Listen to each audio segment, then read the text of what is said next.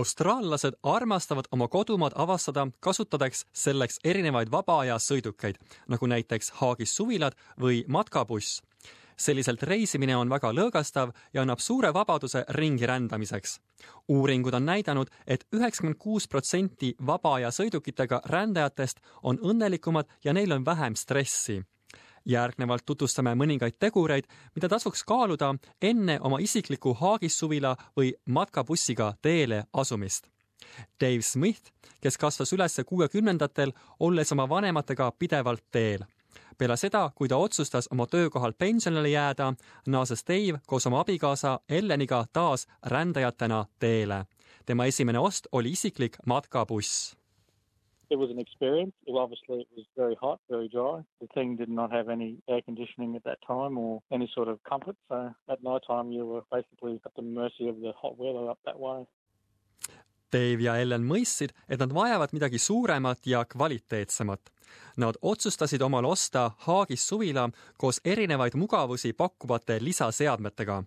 sellises, selliselt õnnestus neil Debi nimelise tormi ajal kui kolme päeva jooksul sadas alla kaheksasada millimeetrit vihma, püsida kuivana ja soojas ilma probleemideta.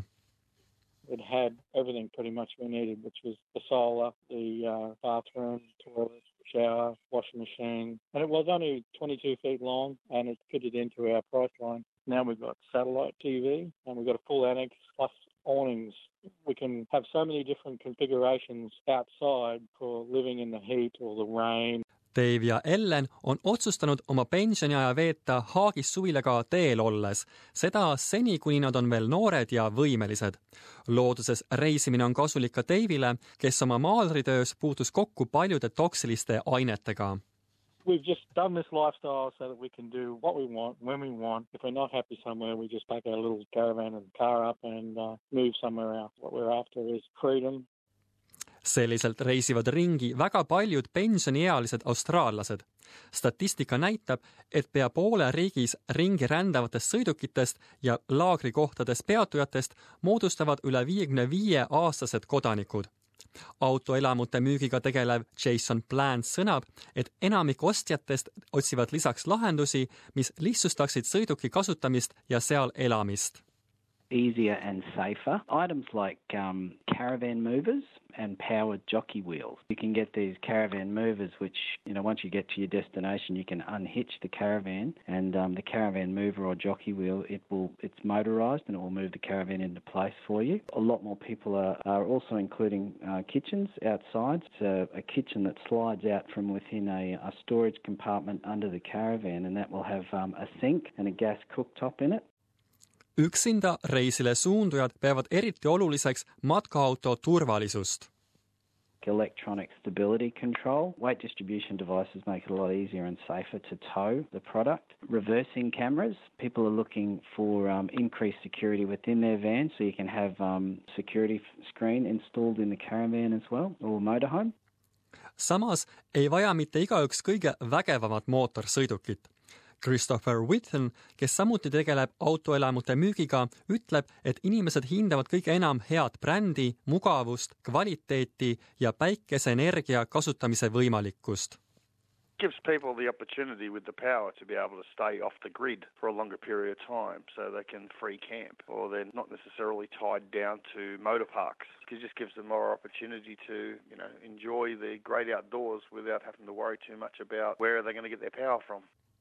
Dave Smith soovitab autoelamu ostu juures pigem pöörata tähelepanu oma tegelikele vajadustele The trouble with most caravans nowadays is people want everything in them. They want coffee machines and air conditioning, and some of them want spas and bathtubs, dishwashers, and well, that all creates a, a fairly big load to carry. And a lot of the modern cars that can pull these things are much lighter than the caravan. And my family and my grandfather, and the first thing they taught me was never pull anything when your car is lighter than your caravan because the car has to be the master. It has to be the one controlling the load. Otherwise, you'll have trouble.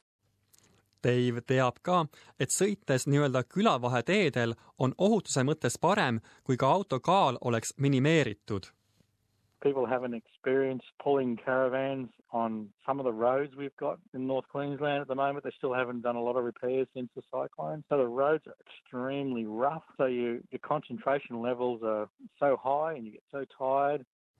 Lõpetuseks sõnab Christopher Whitten, et puhkeautosid tuleks eelkõige kasutada magamiseks ja mitte seal pidevalt elamiseks. The reality is as long as you've got somewhere to sleep, somewhere to use the toilet or the shower, then that's basically why you own it. You don't own a motorhome to live inside it, you own a motorhome to be outside it. You're supposed to be out having fun, not living inside it.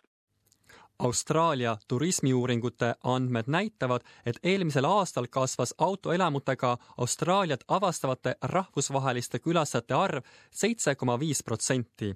suurt tõusu, lausa sada kaheteist protsendilist kasvu märgiti Hiinast saabuvate matkajate hulgas Whitton ütleb, et paljud tema kliendid on samuti multikultuurse taustaga kohalikud inimesed, kes on oma eluajal kõvasti töötanud ning sääste kogunud ja pensionile jäädes on valmis soetama autoelamise, milles lõõgastuda ja rändavat elustiili nautida.